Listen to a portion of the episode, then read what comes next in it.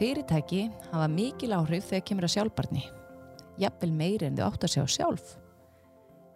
Ég heiti Marja Stefansdóttir og hjá mig situr Sandra Rán Áskrimsdóttir sjálfbarni verkfræðingur á umhverjusviði hjá mannviti. Hvað er sæl Sandra? Blessuð sæl Marja. Hvernig er það? Skiptir sjálfbarni fyrirtæki máli? Já, sjálfbarni skiptir öll fyrirtæki rosalega miklu máli, stór, meðalstór og lítil fyrirtæki því að öll lifum við jú og hærumst í þessu samfélagi og höfum einhver áhrif á umhverfið í kringum okkur. Þannig að við getum öll gert eitthvað til þess að lámarka okkar áhrif og bara tryggja örugan rekstur hjá okkur og þar kemur sjálfbarnin ótrúlega sterk inn. Já. En hverjir eru kvatanir fyrir fyrirtæki til að standa sig vel í sjálfbarnumálum eða bæta sig og skoða þau? Þeir eru í rauninni fjölmarkir. Við sjáum bara á erlendum rannsóknum sem að hafa verið framkvæmdara til dæmis er talið að þau fyrirtæki sem huga sjálfbarni í sínum rekstri e, það sem minni áhætta að fjárfesta og minni áhætta í þeim rekstri heldur en þeim sem huga ekki að sjálfbarni e, þá er gerðan meiri nýsköpun hjá þessum fyrirtækjum, þeir eru að mhm. huga nýjum lausnum og ólíklega að þau verði úreld þegar vörur að það sem þau framlega bjóða upp á.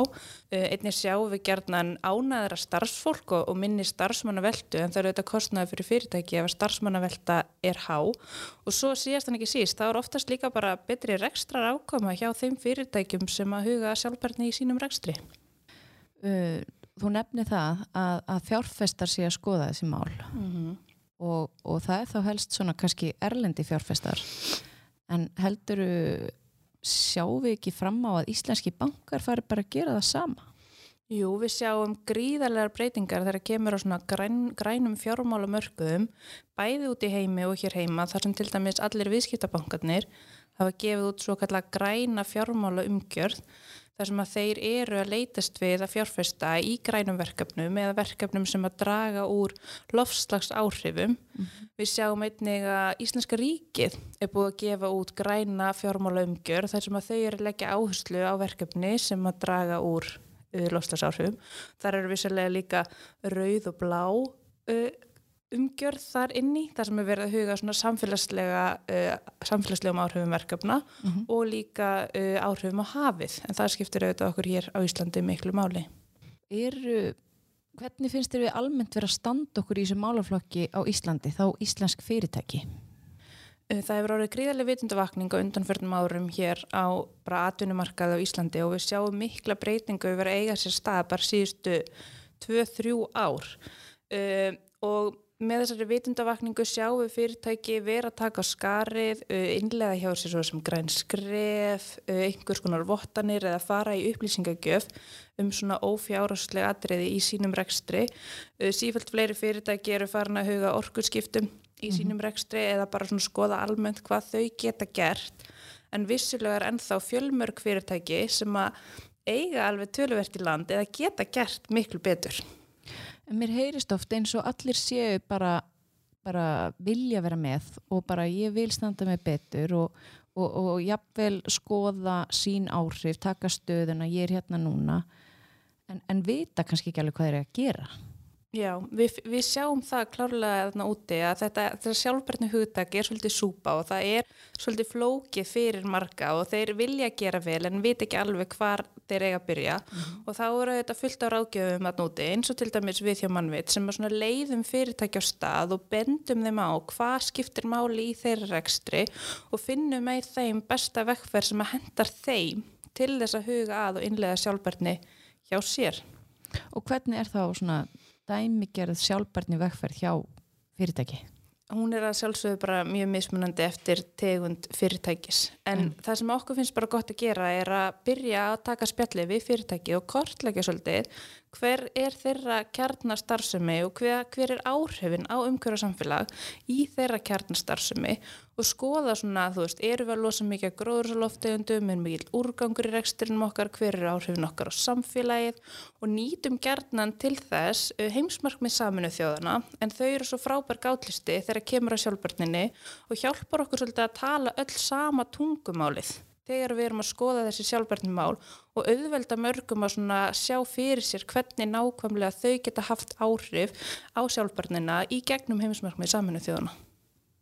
Já, mannst eftir einhverjum skemmtilegum dæmum úr atvinnulífinu sem eru einmitt það sem að fyrirtæki skoðaði starfseminna sína og, og skoðaði þá kannski mm, hva, hvað mátti betur fara hjá þeim í, í svona kólpinspori eða umhverjus áhrifum og fór í einhverja breytingar sem að, úrbætur sem að leti til góðs tekið atvinnuveg sem er að gera mjög vel. Að við sjáum til dæmis að steipuframlegendur í Íslandi hafa allir átta sig á því að vissulega er sement mjög óumhverfsvænt að það hefur mjög hátt kólefninsbor og þeir eru allir farnir að bjóða viðskiptavinnum sínum steipu með lagra kólefninsbori, græna steipu. Þannig að uh, það er orðið töluvert auðveldara að byggja til dæmis bara umhverfisvæna byggingu úr steipu af því að þetta er frambóð sem að steipu framleiðunir hér heima komið svolítið sjálfur með fram á markaðin til þess að leggja sitt að mörgum í þessari baráttu við láslasmálinn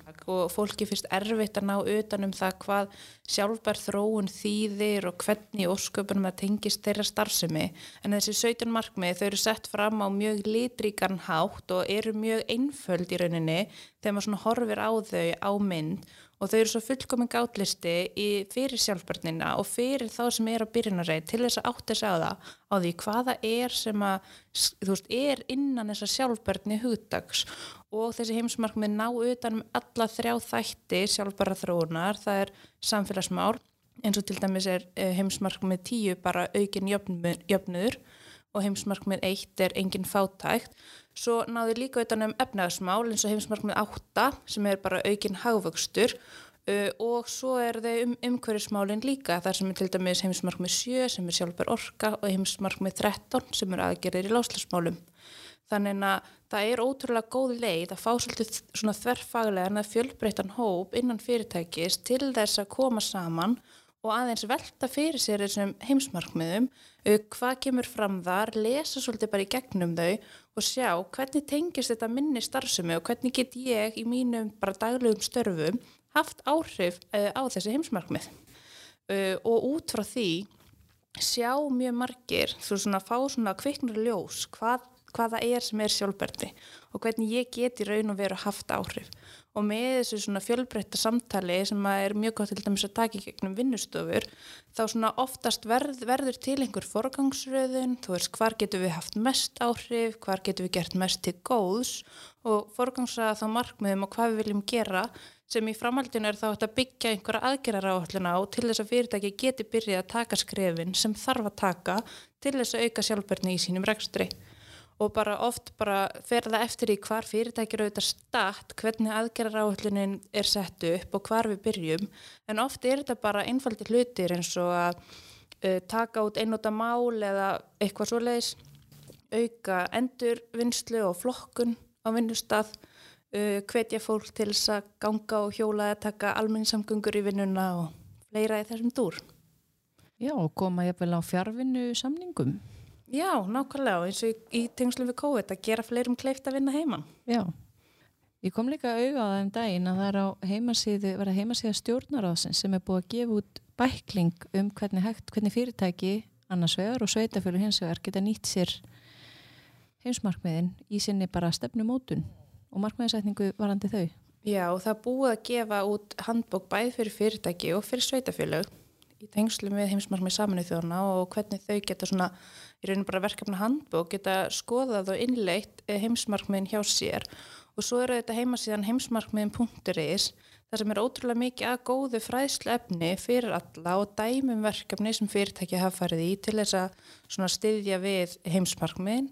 Eh, öll heimsmarkmiðin eru þar inni og allir mælikvarðar heimsmarkmiðina líka. En einn pæling hvað gerist þið fyrirtæki hugsa ekkert um sjálfbarni?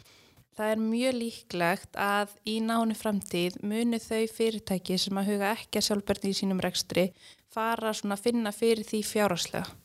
Annarkvort muni verða einhvers konar hvaðir eða gjöld sem að leggjast á þau fyrirtæki en ekki fyrirtæki sem er að, er að huga sjálfberðni eða þá bara þau verða undir í samkeppninni af því að við sjáum líka ótrúlega vitundavakningu hjá neytendum á öllu markuðum og við sjáum auknar kröfur í útbóðsgagnum hjá þeim sem eru að keppa á samkeppnismarkaði líka þar sem að eru bara komnar inn kröfur um framstöðu þegar kemur að svona sjálfbærni málum.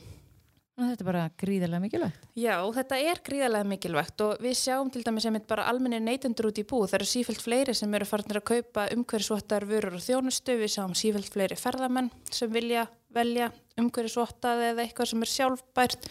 Við sjáum opinbera aðila vera að leggja meiri áherslu á þessi mál. Þannig að það er ekkert spurning um hvort heldur hvenar að þetta verður bara krafa og þeir sem að fylgja þessu ekki eftir bara munu finna fyrir því og verða eftir á. En núna að þú nefnir vörur og þjónustu og slíkt, nú eru allskins vottanir til. Uh, getur þú sagt mér aðeins frá þeim? Hvað er til? Já, það er náttúrulega uh, eins og við fórum inn á í öðru hérna svona hlaðvarpi, þá er sem sagt bremvottunin og svanurinn svona helstu vottanirnar fyrir byggingar. En byggingar hafa ótrúlega mikið lofslagsáhrif og skiptir miklu máli að huga að því þegar verða að byggja eða reyka byggingar að draga úr lofslagsáhrifum þar. Þannig þar kemur inn brem eða svanurinn Svo þegar við erum kannski komnar í svona vöru að þjónustu þá er svanurinn svona sterkasta merkið hér heima. Svo er merkið sem heitir Evrópublómið. Þannig en ef einhverjar fara út í búð og eru að kaupa sér uh, pappír í bara brentaran þá hvet ég allir til að kaupa svansvottan pappír eða pappír sem er mertur er Evrópublóminu. Uh, Svo er líka til vottanir fyrir ferðarþjónustu. Það er til dæmis vakin eitt sterkasta svona vottunin hérna heima. Það er íslenskt vottunar svona merki ef að svo má kalla, fyrir ferðarþjónustu fyrirtæki og það er að fá umhverfisvottun og ferðarþjónustu fyrirtæki geta sínt fram á þau sé að huga umhverfismálum í sínum rekstri og svo er ímis fleiri svona sértæk, sértækar vottanir.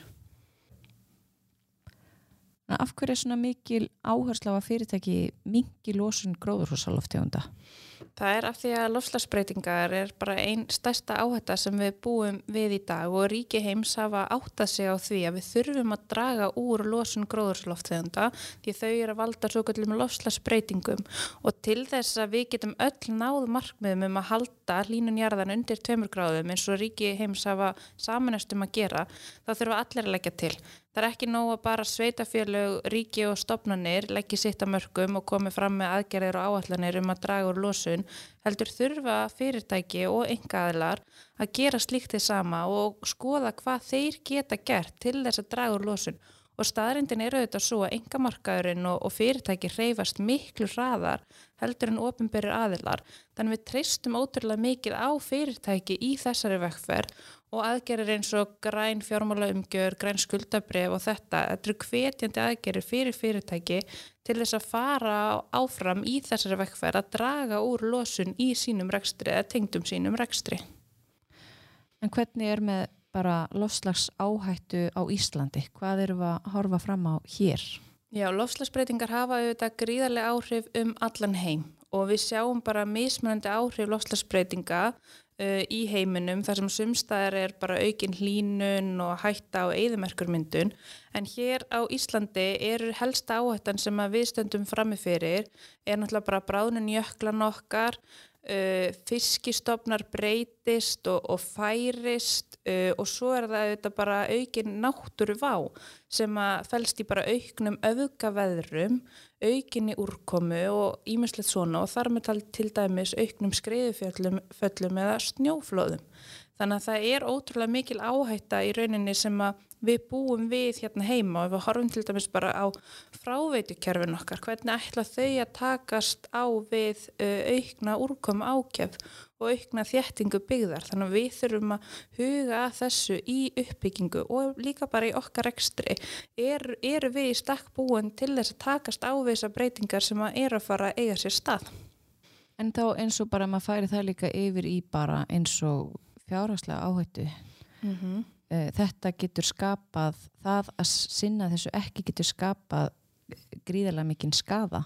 Já, það getur verið gríðarlega stórt fjárhagslegt tjón ef farið er á stað til dæmis með einhverja uppbyggingu á mannvirkjum og ekki er hugað að mögulegum áhrifum lofslagsbreytinga á þau mannvirki. Við sjáum til dæmis bara hækkandi sjávarsta að mun hafa gríðarlega áhrif vísverð á höfuborgarsvæðinu, svo dæmis sem te sé tekið og hvernig ætlum við að, þú veist, bregðast við því ef við erum að byggja risa byggingu eitthvað alveg niður við sjóin, þú veist, eru við undirbúin fyrir það að það komi tíðari sjáarflóð sem að þýðir bara öldur upp á mig að glugga hjá okkur eða, eða öldur ofan í bílakjallara og þess aftar eða sjór, þú veist, hvernig bregst byggingin við? Og þólir hún það? Og hvert er tjónið sem við verðum fyrir? Og eins má segja bara um snjóflóðahættu og hættu af skriðuföllum að þú veist ef við erum að fjárfesta í stórum uppbyggingum og mannvirkjum á svæðum sem eru hættu svæði þú veist þá þurfum við að fara í ákveðnar forvarnir og vera meðvitið um þá hættu sem við búum við Er búið að kortleggja lofslagsáhættu á Íslandi? Það er búið að greina hver uh, áhætta lofslagsbreytinga er á Íslandi en það er ekki búið að kortleggjana svona endanlega eftir svæðum Nei. en við vitum þó alveg svona sirka hvar til dæmis uh, hækku sjávarstaða mun hafa mest áhrif og hvar skriðuföll mun hafa mest áhrif. En hvernig við bregðumst við þeim og hvernig við aukum þetta viðnám okkar fyrir lofslagsbreytingum er svolítið verkefni sem við stöndum frammi fyrir í dag og allir þurfa að huga að. Þú veist bæði fyrirtæki, sveitafjölu og ríki. Takk kærlega fyrir spjalli Sandra. Takk kærlega fyrir mig. Og við þökkum þeim sem líti.